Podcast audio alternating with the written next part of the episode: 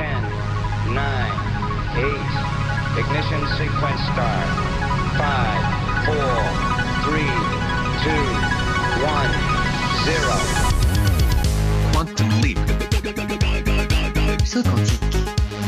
Salto quântico. Salto quântico. Salto quântico. Quantum leap. Salto quantico. Salto quantico. Salto quantico. Kvantum, det du inte visste att du ville veta. Sitter ni inte redan bekvämt så ska ni inta en bekväm ställning nu och ha gärna en kopp med någon varm dryck i handen för nu ska vi kvanthoppa.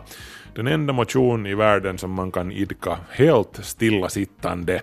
Men så är det också hjärngymnastik. Markus Rosenlund så heter jag. Välkomna. I dagens program ska vi titta närmare på Finlands första egna satelliter, Aalto 1 och 2, som ligger i startgroparna och väntar på att bli skjutna ut i rymden.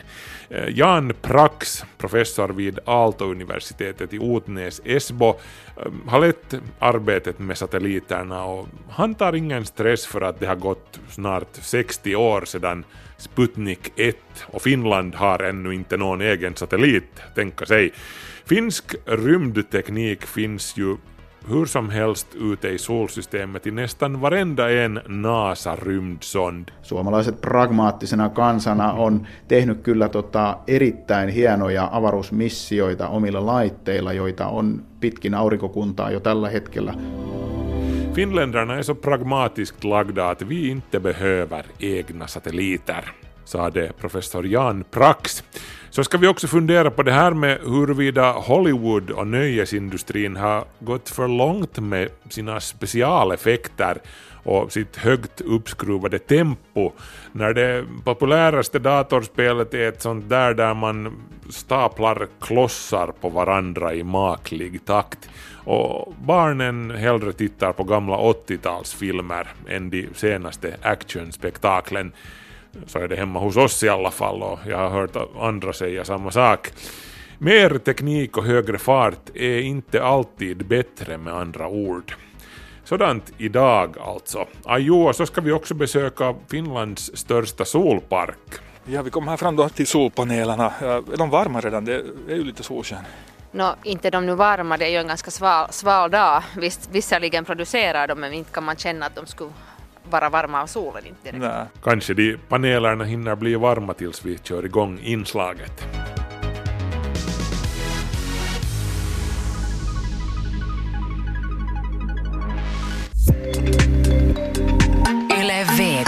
Och nu blir det notiser.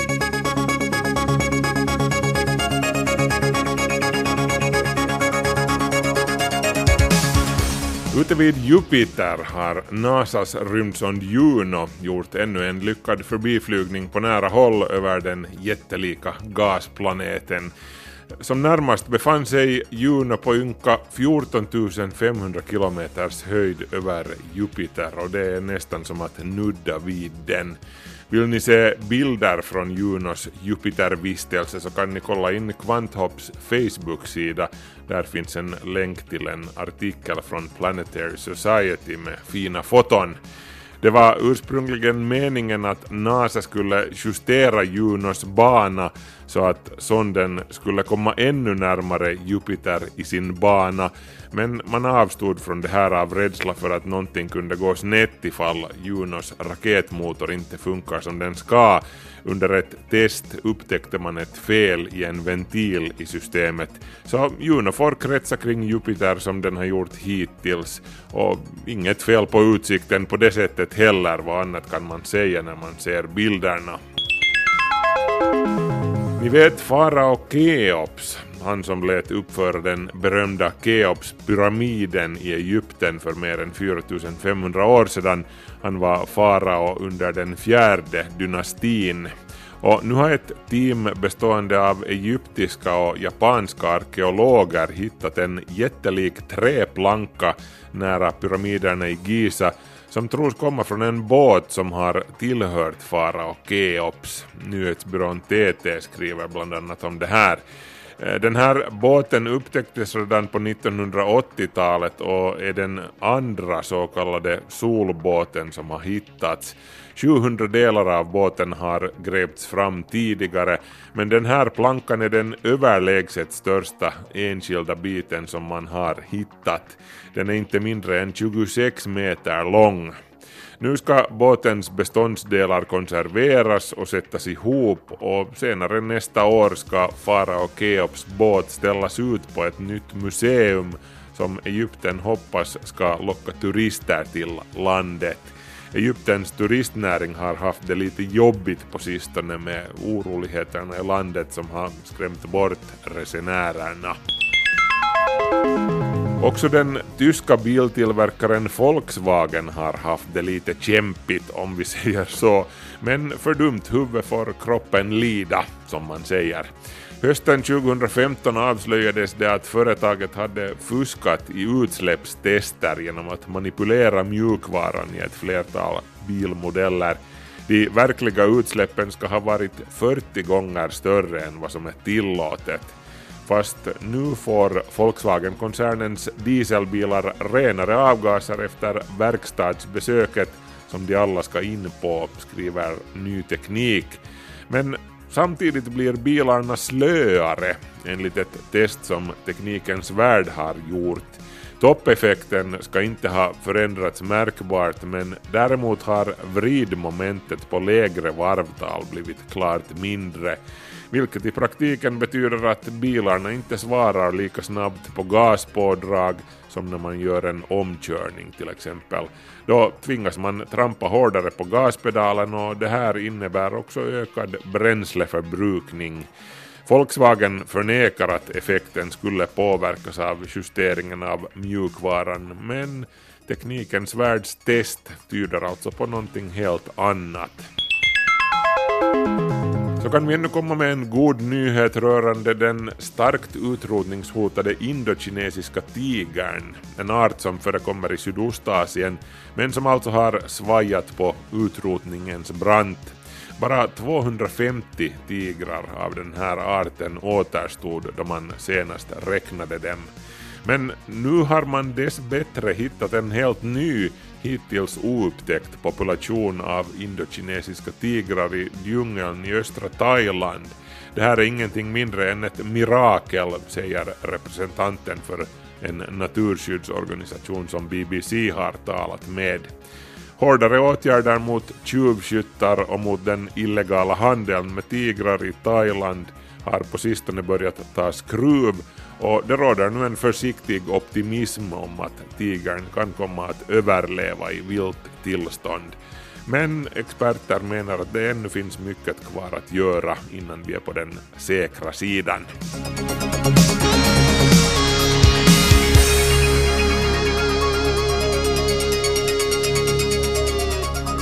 För en liten slant är det möjligt för Borgo Energis kunder att hyra en egen solpanel i Fredrikshamn.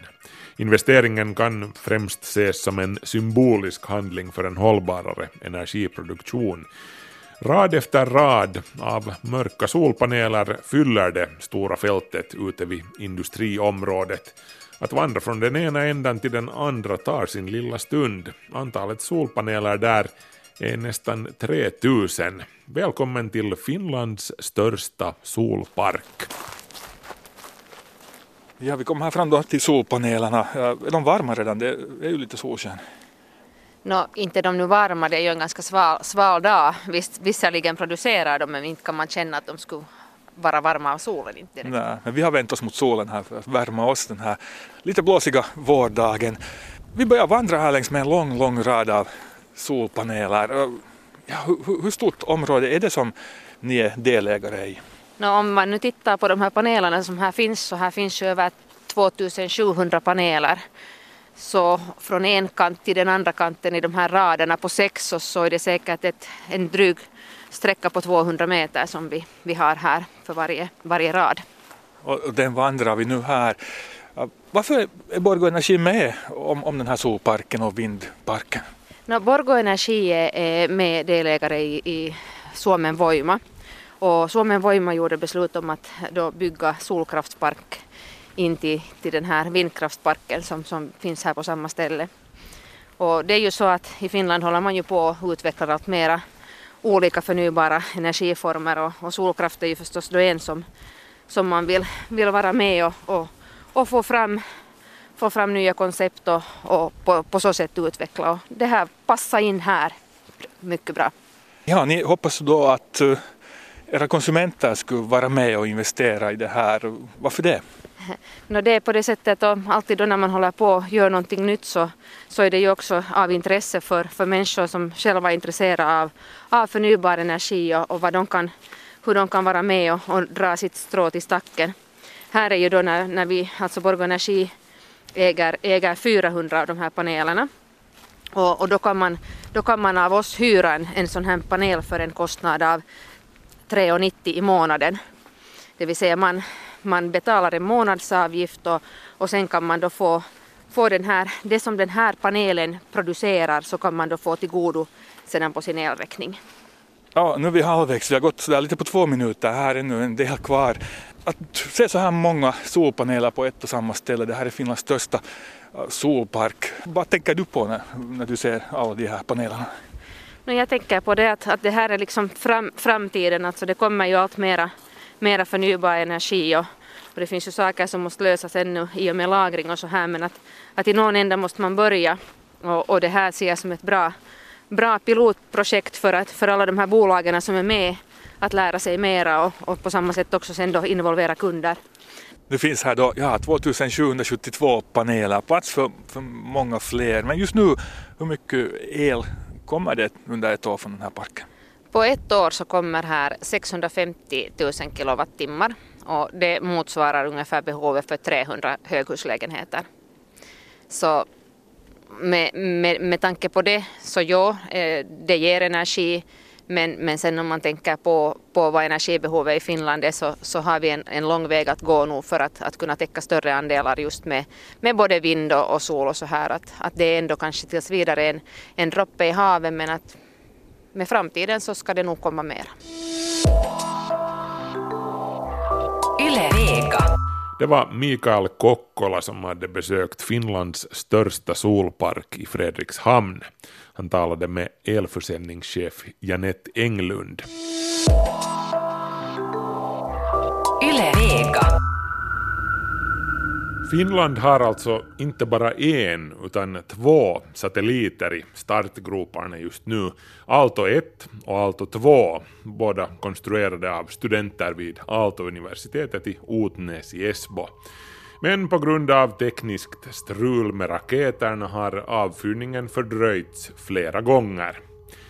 Just nu vet vi bara att Aalto 2 sannolikt kommer iväg först av de två bröderna och det här kommer antagligen att ske inom de närmaste veckorna, säger professor Jan Prax vid Aalto-universitetet som har lett arbetet med satelliterna. Äh, tosiaan Aalto 2 on näillä näkymin lähdössä ensimmäisenä, ja Aalto 2 on jo lähtökuopissa, eli se on pakattu, se on raketissa, kaikki on valmiina, mutta viime viikolla saatiin tieto, että raketin tukijärjestelmissä on vielä joitakin ongelmia hydraulikkalaitteen kanssa, jolloin tota, sanottiin, että laukaisu edelleen viivästyy.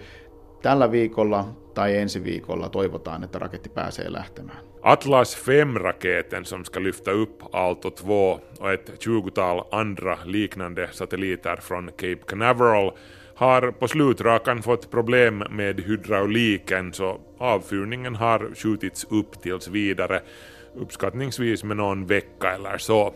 Men hej, sånt är livet, säger Prax. Det är bättre att ta det lugnt och vara säker på att allting klaffar, för man får bara en chans. Satelliitin laukaisemisessa aina on tärkeintä saada se se raketti ehjänä sinne ylös ja satelliitti ehjänä sinne ylös, ja siinä ei hirveästi sitten riskejä oteta. Et jos on pienikin mahdollisuus, että jotain ei ole täysin kunnossa, niin sitten otetaan time out, korjataan kaikki ja vasta sitten mennään. Eli siinä mielessä se on hiukan erilainen teollisuus kuin muut sellaiset aikatauluun sidotut teollisuudet. Huvudsaken är att raketen fungerar som den ska och att satelliterna kommer ut i rymden enligt planerna oskadda, säger Prax. Om det finns den minsta lilla misstanke om att någonting inte är som det ska, så då tar man time out och fixar det helt enkelt. Rymdraketer är inte som tåg som avgår enligt en strikt tidtabell. Saker och ting går lite mera flexibelt till i den här branschen. Men den som vill hålla koll på uppskjutningarna kan ju till exempel surfa in på spaceflightnow.com. Jag lade en länk på Kvanthopps Facebook-sida. Ni kan kolla in den där. Men okej, okay, Alto 2, vad är det alltså för slags satellit och vad har den för uppdrag? Jo, säger Jan Prax, Alto 2 är en nanosatellit, en väldigt liten sak på ett par kilo ungefär. Och den är en del av en större satellitsvärm som kollektivt ska utforska den så kallade termosfären, de översta lagren av jordens atmosfär, själva gränslandet mellan jorden och rymden. Aalto 2-satelliitissa on yksi hyötykuorma, eli mittauslaite, joka tekee tieteellisiä mittauksia, ja se on laite, joka mittaa plasman äh, elektronitiheyttä ja lämpötilaa siellä avaruudessa. Aalto 2 har alltså ett enda uppdrag, att mäta partikeltätheten och temperaturen i termosfären. Ja se on sellainen alue, jossa ilmanvastuus on jo sen verran vahva, että satelliitit ei siellä kovin kauan pysy. Aalto 2 pysyy radallaan noin puolisen vuotta, että mitataan sen elinikää vaan kuukausissa, jolloin se tulee koko ajan pikkuhiljaa lähemmäksi ja lähemmäksi maapalloa ilmanvastuksen takia. Den lilla satelliten Aalto 2 kommer att fungera bara i ett halvår ungefär. Sedan blir friktionen från luftpartiklarna i den övre atmosfären så stor att Aalto 2 bromsar in och faller ner mot jorden och brinner upp.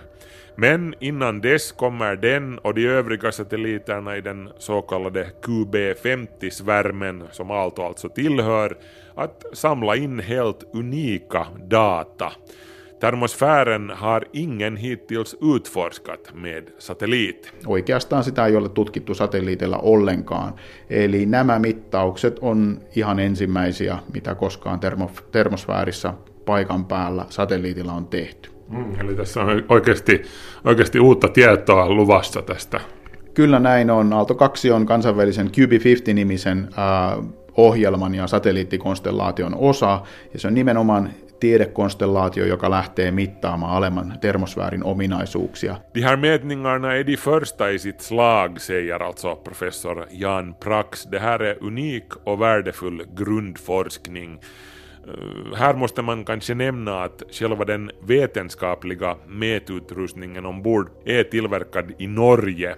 Altos andel av det hela är själva satelliten och all teknik som ser till att den flyger rätt, all kommunikationsteknik, solpaneler, batterier och så vidare och så vidare.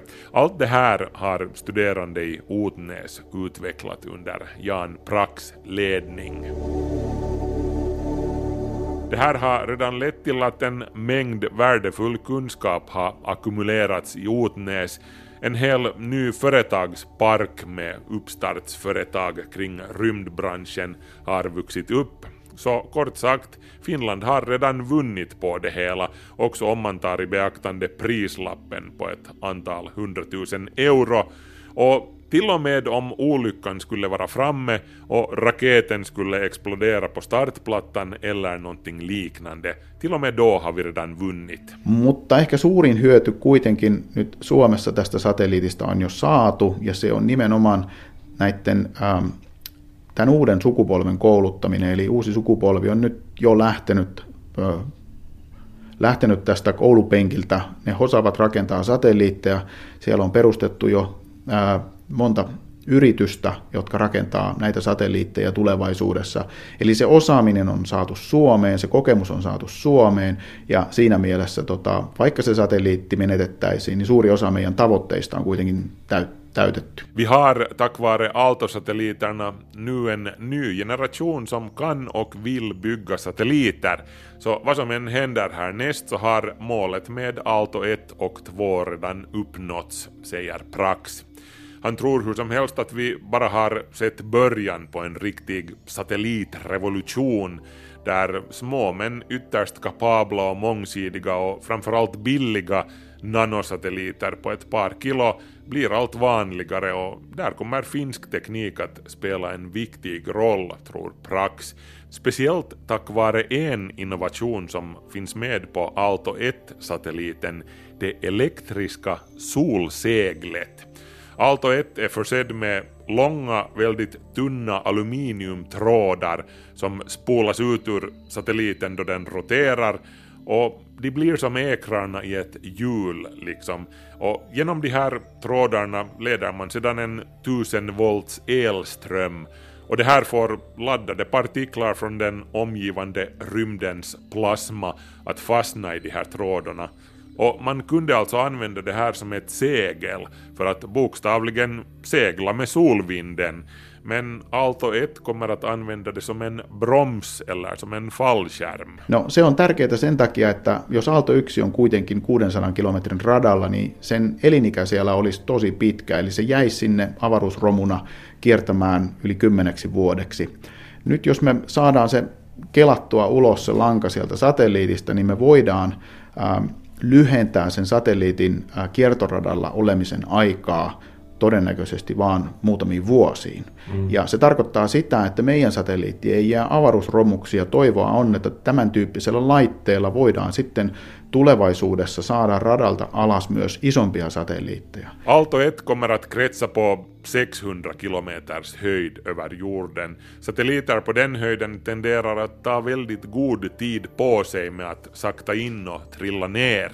Så de blir i värsta fall där och skräpar i tio år efter att deras uppdrag är slutfört. Men det här kan vi alltså eliminera med hjälp av det elektriska solseglet som alltså är utvecklat av forskaren Pekka Janhunen vid Meteorologiska institutet i Helsingfors. Och det här är bara början på alla möjligheter som den här uppfinningen bäddar för, säger professor Jan Prax, som tror att man en dag kommer att kunna segla till Mars och det yttre solsystemet på rekordtid och rekordbilligt tack vare det elektriska solseglet. Sähköpurjet tosiaan voisi mullistaa esimerkiksi aurinkokunnan sisällä lähetettävät luotaimet ihan kokonaan, kun me päästäisiin paikasta toiseen eri planeetoille ää, täysin uudella tavalla, yhtä halvalla kuin nykyään, tai jopa paljon halvemmalla, mutta huomattavasti nopeammin. För rymdsonden Voyager tog det nästan 40 år att nå solsystemets utkant. Med Pekka Janhunens solsegel kunde man tillryggalägga samma distans på bara drygt 10 år. Finländsk rymdteknik kan alltså komma att revolutionera rymdresorna inom solsystemet, tror Prax, som inte alls orkar ta någon stress av att det snart har gått 60 år sedan Sputnik 1 och Finland väntar fortfarande på sina första egna satelliter. Sverige har ju haft 11 stycken hittills. Vi får inte glömma att Finland är väldigt bra på avancerad rymdteknik, elektronik, sensorer och liknande. De finns i så gott som alla viktiga rymdsonder och marskrypare och annat som kryssar omkring där ute i solsystemet just nu. Att ha en egen satellit har helt enkelt aldrig känts som någonting värst viktigt för de pragmatiskt lagda finländarna, säger Estlandsbördige Jan Prax.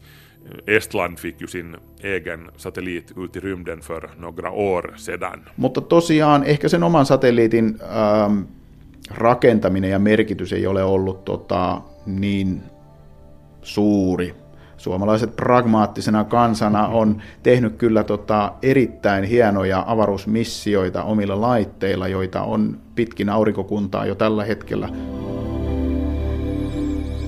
Finländarna är så pragmatiska att vi behöver inte hävda oss med egna satelliter. Vi har ju vår rymdteknologi med ombord på alla, alla sonder och marskrypare och allt det där ute i solsystemet hur som helst, sa det alltså Jan Prax, professor vid Aalto-universitetet i Esbo.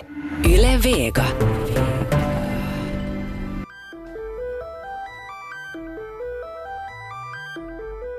För ett par år sedan vandrade jag in i en spelbutik i Helsingfors och frågade försäljaren att vad är det som gäller nu för tiden? Kan han rekommendera ett hitspel åt mina pojkar? Minecraft, sade killen bakom disken utan en sekunds tvekan. Alla kidsen spelar Minecraft just nu. Dina grabbar kommer att älska det om de ännu inte har prövat. Jaha, tack för det, sa jag och betalade och gick ut. Väl hemma installerade jag spelet i konsolen och insåg omedelbart att jag hade gjort en dundertabbe. Spelvärlden som öppnade sig på skärmen såg ju helt förskräcklig ut. Grov och klumpig grafik med primitiva fyrkantiga gubbar som från något gammalt Commodore 64-spel från min egen barndom. Eh, förlåt pojkar, stammar jag. Pappa har klåpat. Jag, jag ska gå och byta det här mot någonting modernare och häftigare imorgon så fort som spelbutiken öppnar. Är du inte klok? Det här är ju det bästa någonsin, sa de med en stämma och kastade sig på konsolen och började spela. Och gör det fortfarande dagligen om vi tillåter dem.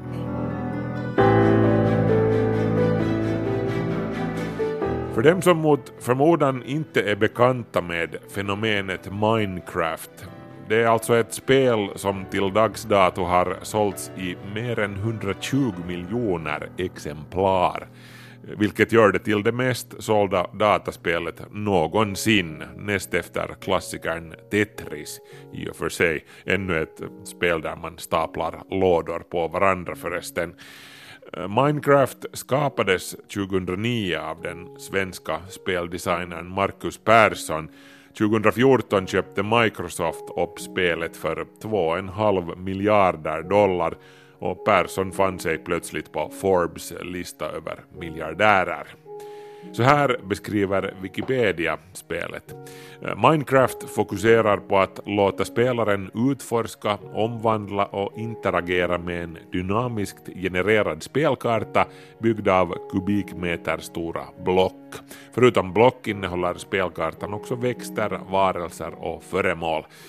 Eh, låter inte det här som världens häftigaste actionspel? Eh, nej, och det är det inte heller.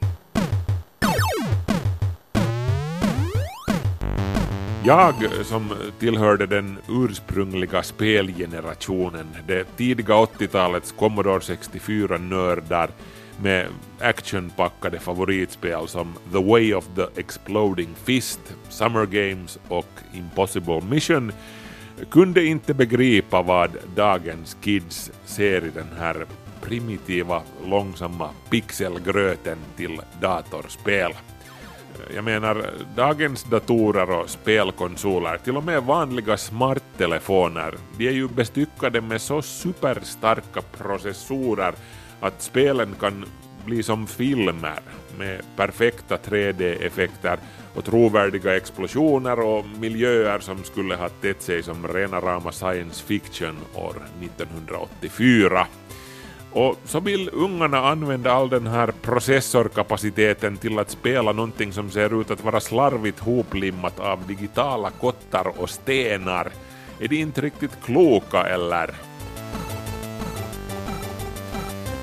Det här är för övrigt samma generation som rynkade på näsan åt Nokias super high-tech telefoner med alla tänkbara bokstavskombinationer och 42 megapixlar och dual band och micro SD så det kom ut genom skorstenen och valde istället en simpel rektangel av glas med bara en enda knapp på fronten och ett äpple som någon hade tagit en tugga ur på baksidan. Det var också de som gjorde Angry Birds till en succé, ett annat enkelt och grafiskt undermåligt spel utan vare sig 3D eller biljakter genom ett nattligt Los Angeles. Mina barn, 10 respektive 20 år gamla, och deras generation, de får mig att tro att mänsklighetens teknologiska ambitionsnivå kanske planade ut något tag under det sena 80-talet.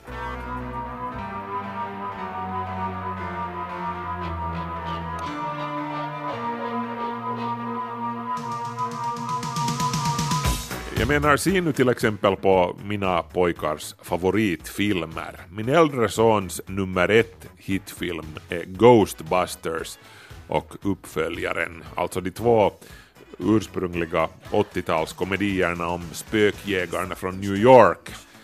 De gamla Tillbaka till framtiden-filmerna är också en braksuccé hemma hos oss. Mina söner hårddiggar till och med den gamla ursprungliga Knight Rider-serien, Rättvisans riddersman hette den visst på svenska. Michael Knight och hans talande bil Kit, ni vet.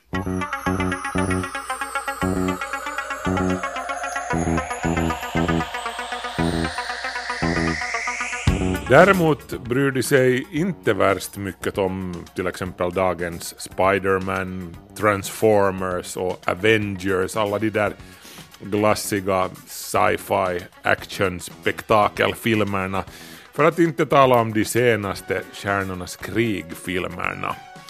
Ja, jo, de kan titta pliktskyldigt på dem när pappa säger att nu ska vi pojkar hörni ha filmkväll och pojkarna är väl sådär att de är helt okej, okay, men de vill väldigt sällan se den på nytt, om och om igen. Annat är det till exempel med Ghostbusters, filmen vars samtliga repliker min äldre son mer eller mindre kan utan till vid det här laget. Ghosts. Hello, Ghostbusters. They're real. You do?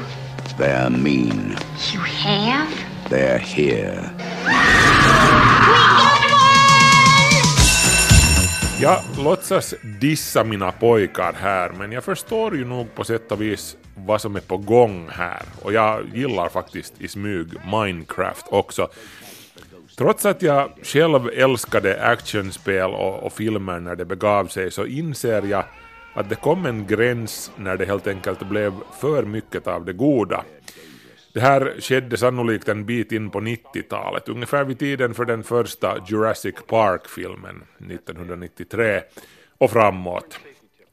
Det var då när datorerna hade blivit så kraftfulla att Hollywoods effektmakare insåg att de kan göra vad som helst och hur mycket som helst utan att bränna halva Warner Brothers årsbudget i processen. Rymd-Titanic som störtar in i Vita huset medan 500 meter höga Godzilla spelar baseball med Frihetsgudinnan som slagträ och pansarvagnar som bollar. Inget problem. Dagens actionfilmer för den yngre målgruppen är så sjukligt fullpackade med specialeffektdriven action. Inte en minut går utan en explosion och tempot är så uppskruvat att man blir fullkomligt andfådd.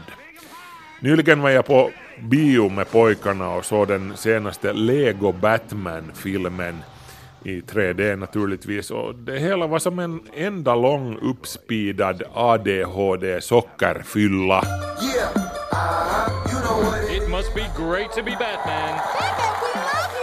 Pojkarna de high-fivar ju i och för sig varandra efteråt och var som att yeah! Men de här ångorna avdunstade innan vi steg av lokaltåget på vägen hem från stan och väl hemma satte de sig ner vid konsolen och byggde en stor hög med pixlade block i Minecraft. Jag minns inte vad det föreställde men det tog en lång stund och sedan sprängde de bygget i luften. Helt utan explosioner vill inte heller den nya generationen vara, trots allt. Men allt det där andra, all den där högteknologiska bling-blingen, det struntar många av dem i. De bryr sig katten i hur många gigahertz processorn i deras smarttelefon har. De behöver inte heller en biljakt eller en helikopterkrasch varannan minut när de väljer en film för söndagens far och son filmkväll. De älskar de gamla klassikerna som nämnda Ghostbusters, Back to the Future och gamla Doctor Who-avsnitt. Sannolikt just för att de har ett makligare tempo som man inte behöver vara i konstant sockerfylla för att kunna uppskatta till fullo.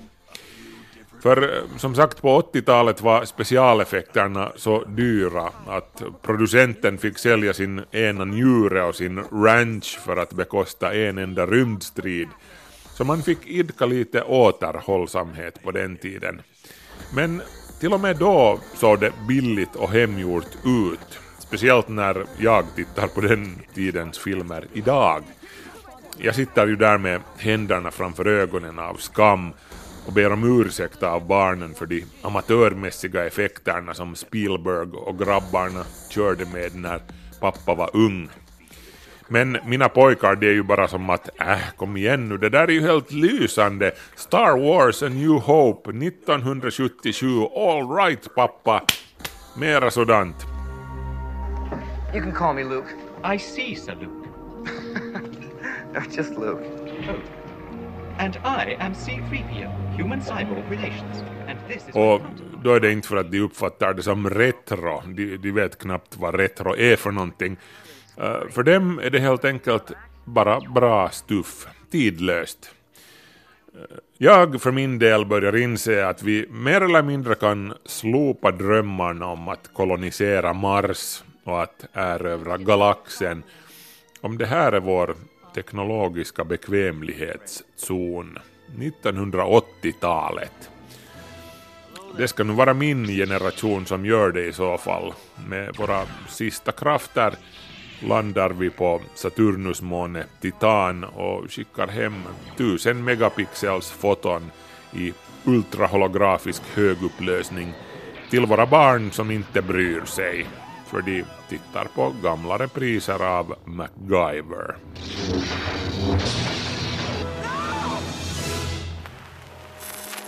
Det här är Yle Vega. Vega. Kaffedrickarna och odlarna går en osäker framtid till mötes på grund av den globala uppvärmningen. Det här skrämde Helsingin Sanomat upp sina läsare med tidigare i veckan. Till och med år 2050 kan odlingsarealerna komma att halveras, vilket i så fall leder till svår kaffebrist. Fram till år 2080 kommer kaffe att vara en lyxprodukt som bara de allra rikaste kan hålla sig med, målar Helsingin Sanomat upp. Men experterna som Hesari intervjuar representerar alla kaffeindustrin på ett eller annat sätt. Är det här nu alltså kaffelobbyn som försöker skrämma upp oss, eller är kaffeskördarna hotade på riktigt? Jag ringde upp Kristoffer Hylander vid institutionen för ekologi, miljö och botanik vid Stockholms universitet. Han bekräftade att stigande temperaturer och förändrade regnmängder redan nu gör livet surt för världens kaffeodlare. Det man vet är ju att den här kaffearten eh, som vi mest dricker, kaffe, kaffe arabica, arten behöver lite kallare klimat och växer i bergsområden i tropikerna. Och där finns det ju platser på en högre nivå, högre altitudnivå än där man odlar kaffe nu, där man skulle kunna börja odla kaffe också. Ja. Att, att man behöver flytta, anpassa odlingarna till att man planterar dem i rätt klimat så att säga. Så, så är det så liksom då att när det blir varmare så stiger de här zonerna uppåt längs med bergssluttningarna, att man, man måste ja, söka precis. sig högre upp helt enkelt. Man måste söka sig högre upp för att odla den här, den här arten. Ja. Sen och... finns det andra kaffearter som inte är lika välsmakande som man kan odla på lägre höjder, men just arabikabönan behöver lite kallare klimat. Ja. Och sen i något skede när, när de här lämpliga temperaturzonerna tar slut så då liksom berget tar slut i något, något skede sen man ja, kan ju... ofta är det så att ju högre upp man kommer desto mindre mark finns, finns kvar så att säga. Ja. Eh, för att bergen blir smalare uppåt. Men eh, hur, hur de här beräkningarna har gjorts vet jag inte. Mm. Man har bara tagit hänsyn till de ytorna som finns idag och vilka av dem som kommer vara lämpliga och inte. Ja. Eller om man har gjort en, en projicering framåt. Det, det, låter lite, lite väl drastiskt kan jag tycka, men mm. helt klart är att man måste börja odla på nya platser och att en del av platserna där kanske man inte kan odla. Ja. Sen kan man ju fundera på om man kan jobba mer med skuggkaffe där man kan liksom behålla ett lite kallare klimat under skuggträd jämfört med de här solplantagerna som finns på många håll. Ja. De här odlarna som nu då eh, eventuellt får se sina skördar uh, minska i och med klimatförändringen. Hur, hur, vad betyder det här för dem? Hur, hur illa ute är de inför den här nya situationen? Det är ju det är många kaffeodlare som är små, små bönder som är väldigt beroende på, av sin kaffeskörd för sin ekonomi. Så i Etiopien till exempel så är det ju en väldigt hög andel av kaffeodlarna som är små, småbrukare. Så blir det dåliga skördar så klart att de drabbas väldigt hårt av det. Ja. Mm. Och oavsett om det är på grund av att klimatförändringar eller andra saker. Ja.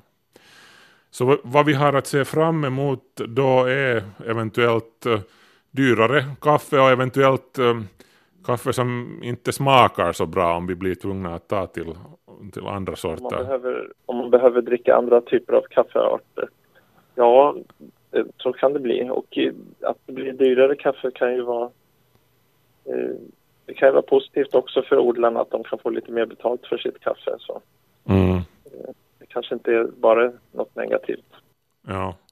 Här, här i Finland hade vi under vinterkriget för 70 år sedan så, så var folket ganska kreativt när det gällde att hitta på surrogat för, för kaffet ja, ja, som, som tog slut. Har, har du, Kristoffer Hylander, någon, något förslag på någon, någon lokal planta här hemma som, som kunde tänkas ersätta kaffe om det riktigt kniper? Om det kniper? Nej, det vet jag inte. Men man får vara lite uppfinningsrik. precis.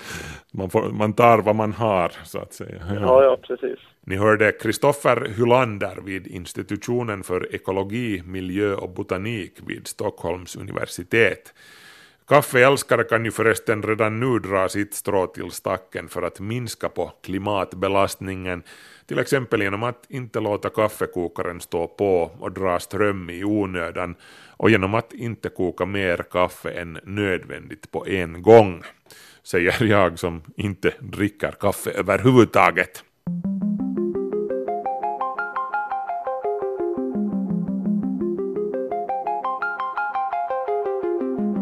Kvanthopp snabela yle.fi Nåja hörni, gott folk, det börjar vara dags för mig, det vill säga Markus Rosenlund, att tacka för sällskapet för den här veckan. Uh, vi är tillbaka igen om en vecka här i Kvanthopp och då ska vi bland annat fundera på det här med att vart tog 69 procent ungefär av universum vägen, den mörka energin som sägs, eller som man har sagt att ha utgjort majoriteten av hela universum, den tycks inte nu existera sen heller enligt de senaste experimenten. Mer om det nästa vecka. Ha det bra, vi hörs, hej så länge.